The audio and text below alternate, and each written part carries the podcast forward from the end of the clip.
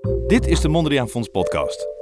Een podcastreeks waar we de verschillende financieringsmogelijkheden voor de beeldende kunst en erfgoedsector belichten, zodat je weet wat we mogelijk maken. In de eerste aflevering zetten we de startende kunstenaar centraal. We bespreken een paar belangrijke eerste stappen in de carrière van een beginnende kunstenaar. We vragen Johan Gustafsson hoe je in het vizier komt van een curator. Doe je eigen ding. Kijk niet te veel aan wat andere mensen aan het doen zijn. Ook vragen we Niek de Bruin van Upstream Gallery hoe je een galerie vindt die bij jou past. Ga niet galeriehouders benaderen op een kunstbeurs. Ga niet galeriehouders benaderen op de opening van een tentoonstelling. En uiteraard komen de kunstenaars ook zelf aan het woord. Dus toen kon ik opeens eh, 27.000 mensen laten zien waar ik mee bezig was. Tot slot spreken we met een projectmedewerker van het Mondriaan Fonds over de mogelijkheden voor de startende kunstenaar. Het gaat om een vast bedrag van 20.000 euro. En dat is echt bedoeld om je op weg te helpen. Maar we beginnen in Rotterdam en strijken neer bij de Vanellenfabriek. Bij de tentoonstelling Prospects tijdens Art Rotterdam. Hier kijk je naar een, uh, eigenlijk het langste werk wat ik nu toe heb gemaakt, denk ik. Het is 22 meter lang. Het is eigenlijk een, eh, een hele lange as met aan één kant een uh, elektromotor. En daar zitten allemaal schijven, die draaien rond en daarover loopt een wieltje. En die zetten uh, 22 meter lang gevouwen werk in beweging.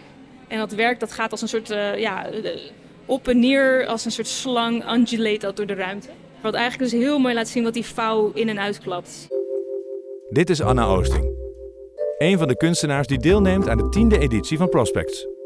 Alle kunstenaars die te zien zijn op de tentoonstelling ontvingen in 2020 een financiële bijdrage van het Mondriaan Fonds om een carrière een vliegende start te geven.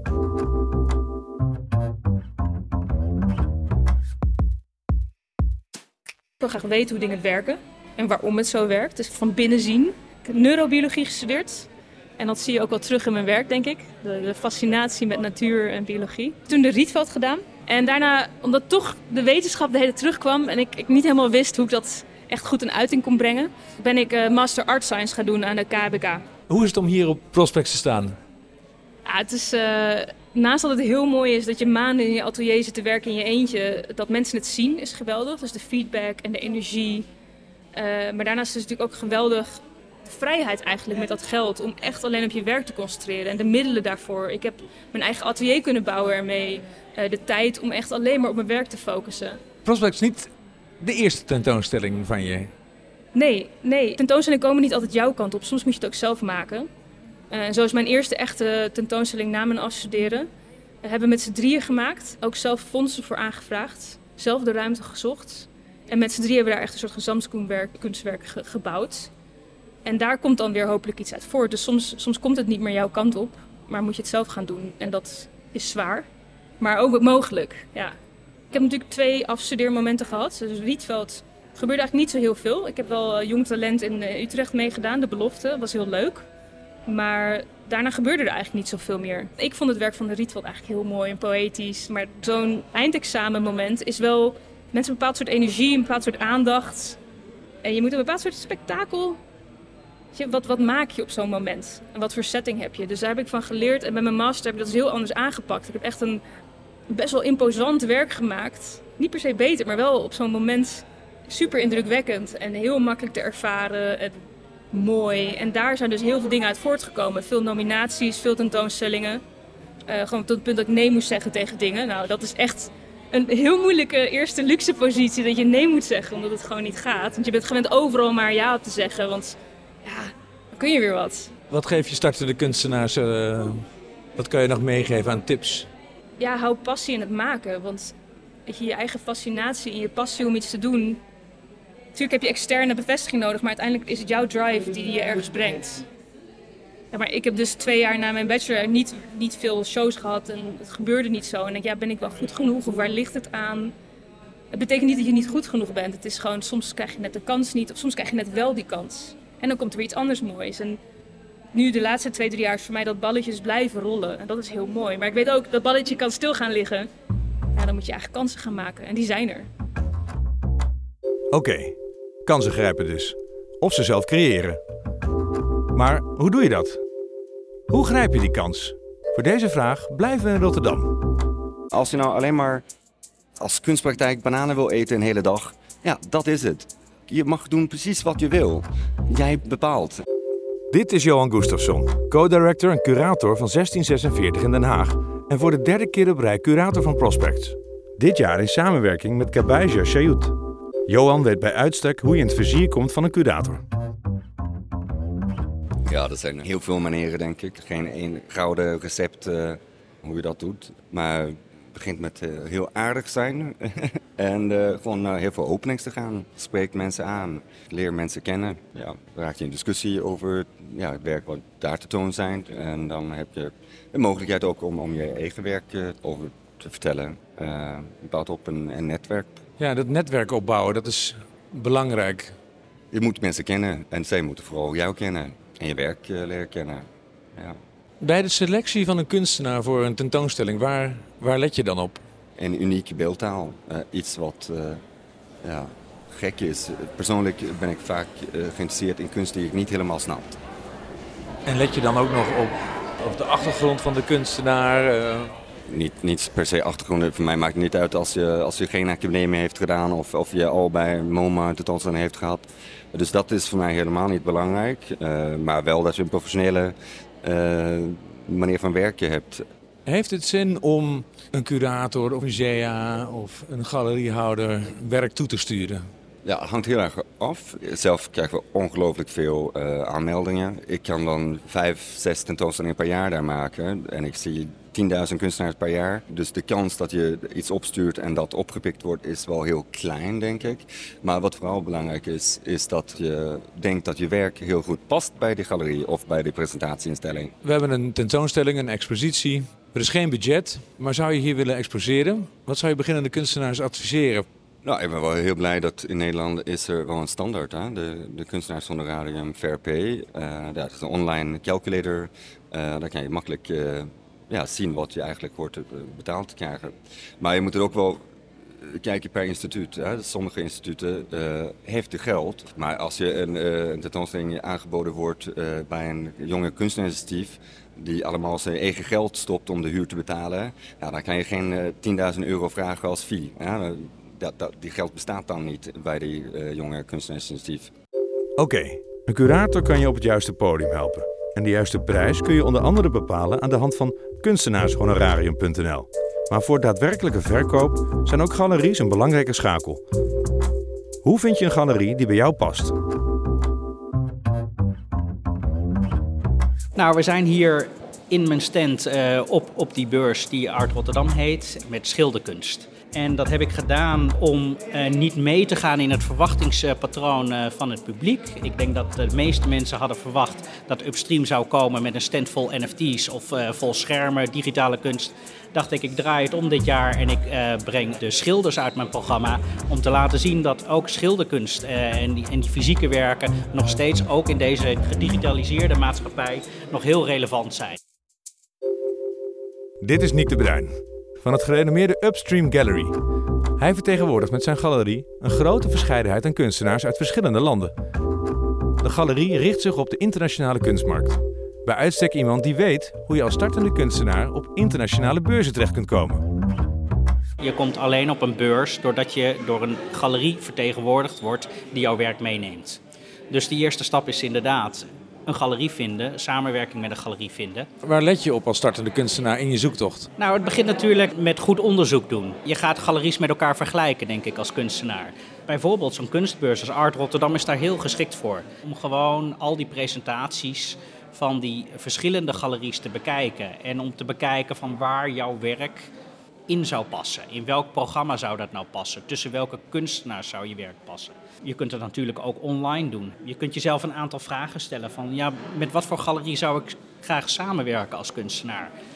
Wil ik graag met leeftijdsgenoten werken? Wil ik graag met, met, met hele jonge mensen werken? Met een, met, een, met een hele jonge galerie die net zoals ik aan het begin van mijn carrière staan? Of uh, heb ik juist de ambitie om toe te treden tot een heel gevestigde galerie? Uh, tussen uh, kunstenaars die een stuk verder zijn in hun carrière en die misschien ook heel erg inspireren. Maar het belangrijkste is vooral dat je, dat je denkt dat jouw werk in een programma van een galerie past en daar ook echt een toevoeging kan zijn.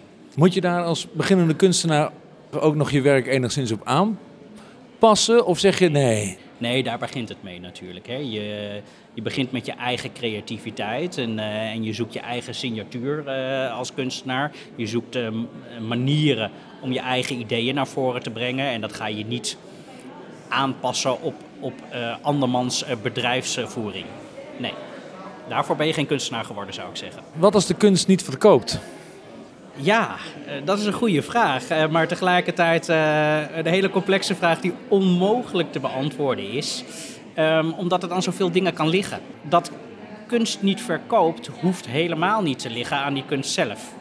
Het kan zijn eh, dat je niet eh, de goede paden be- bewandelt om die kunst aan de man te brengen. Misschien werk je samen met de verkeerde galerie bijvoorbeeld. Of eh, werk je helemaal niet samen met de galerie, terwijl dat heel goed zou zijn. Of ligt het aan eh, misschien bijvoorbeeld het formaat van het werk? Werk je gigantisch groot en kan eigenlijk niemand dat kopen?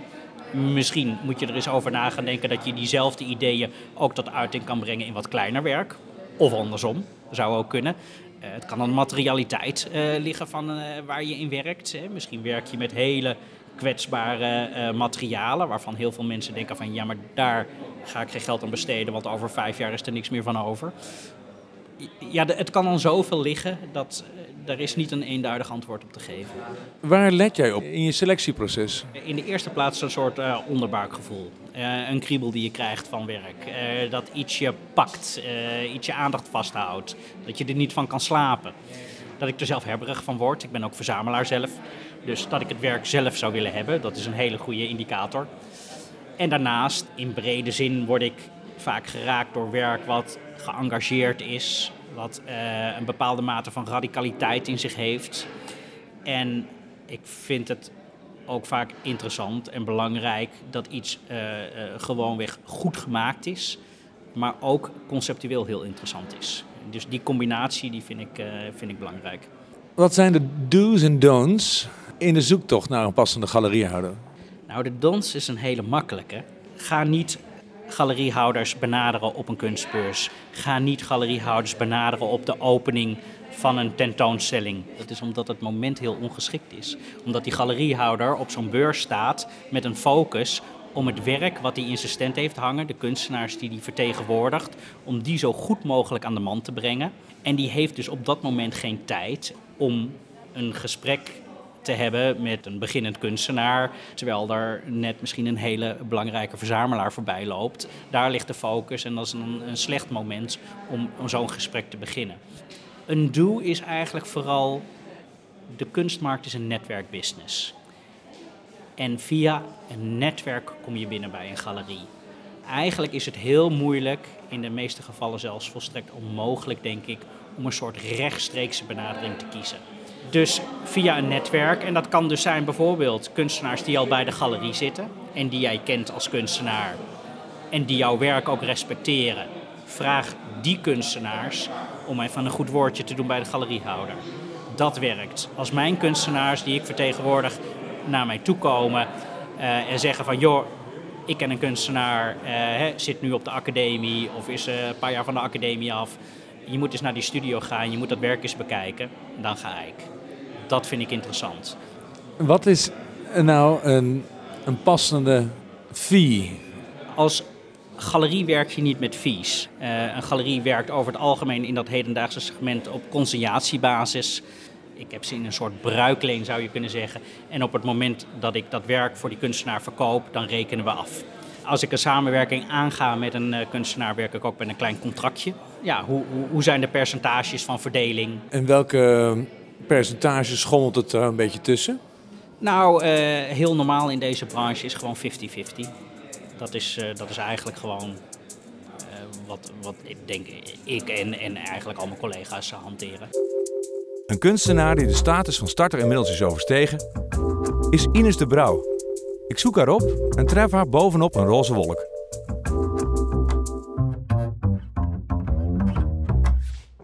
Hallo? Oh.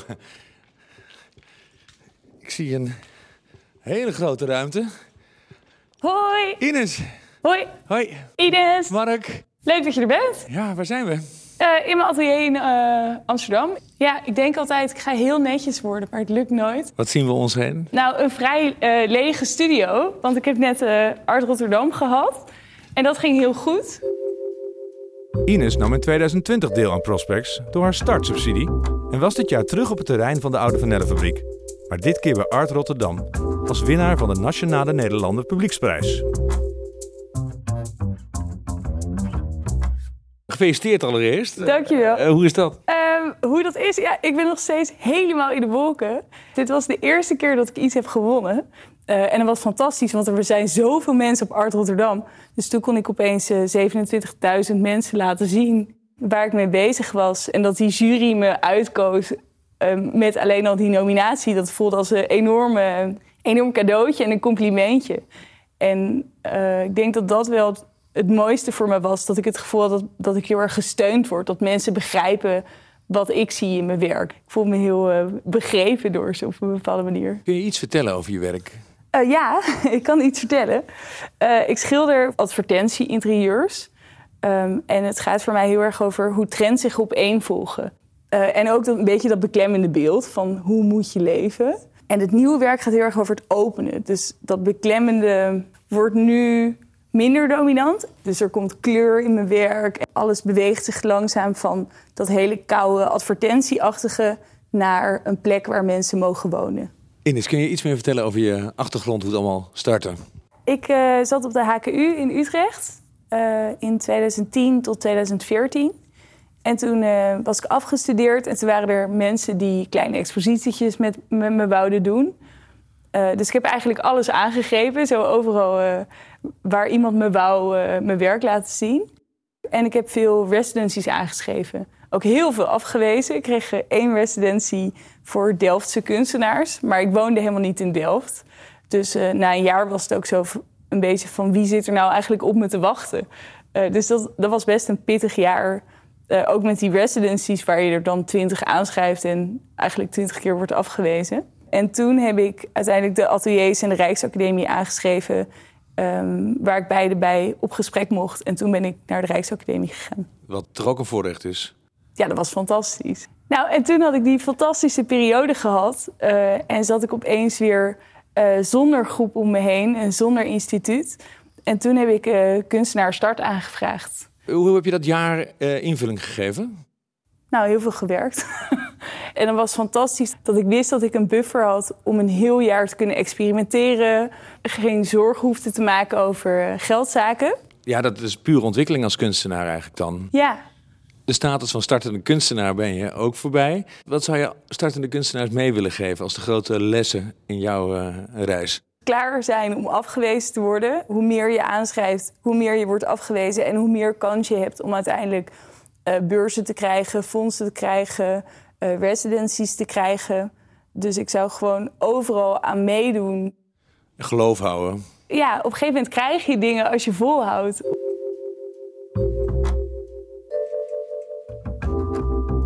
Maar wat als je niet meteen een groot en betalend publiek weet op te bouwen?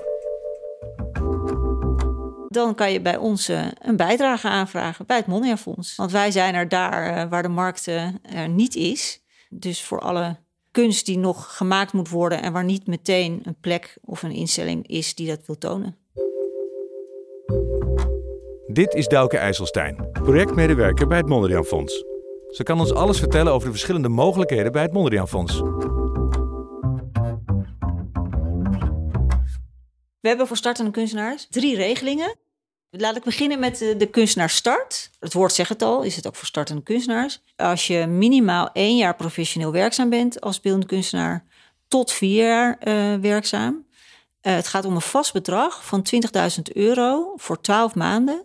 En dat is echt bedoeld om je op weg te helpen. Dus om je praktijk op te starten, werk te maken, onderzoek te doen. Kan eigenlijk van alles zijn. Ja, het is een hele brede inzetbare bijdrage. Dan heb je kunstenaarproject. Dat kan je ook wel aanvragen als je één jaar werkzaam bent. Maar daarvoor moet je wel echt een wat meer vast omlijnd uh, plan hebben.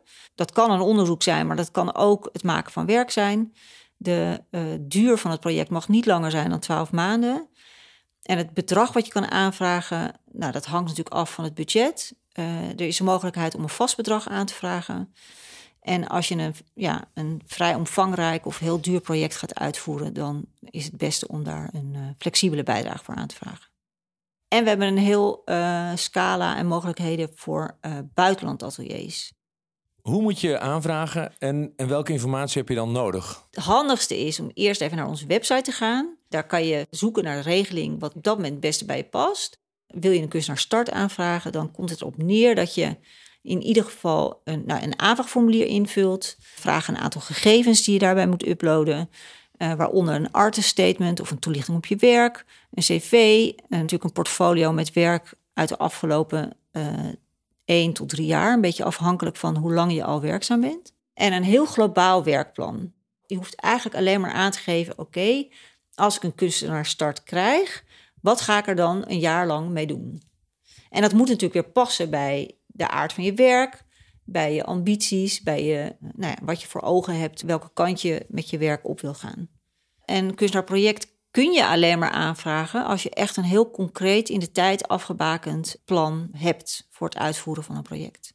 En dan was er nog een derde regeling, zei je, dat had meer met residenties te maken. Klopt, we hebben een heel scala aan buitenlandateliers in eh, allerlei landen.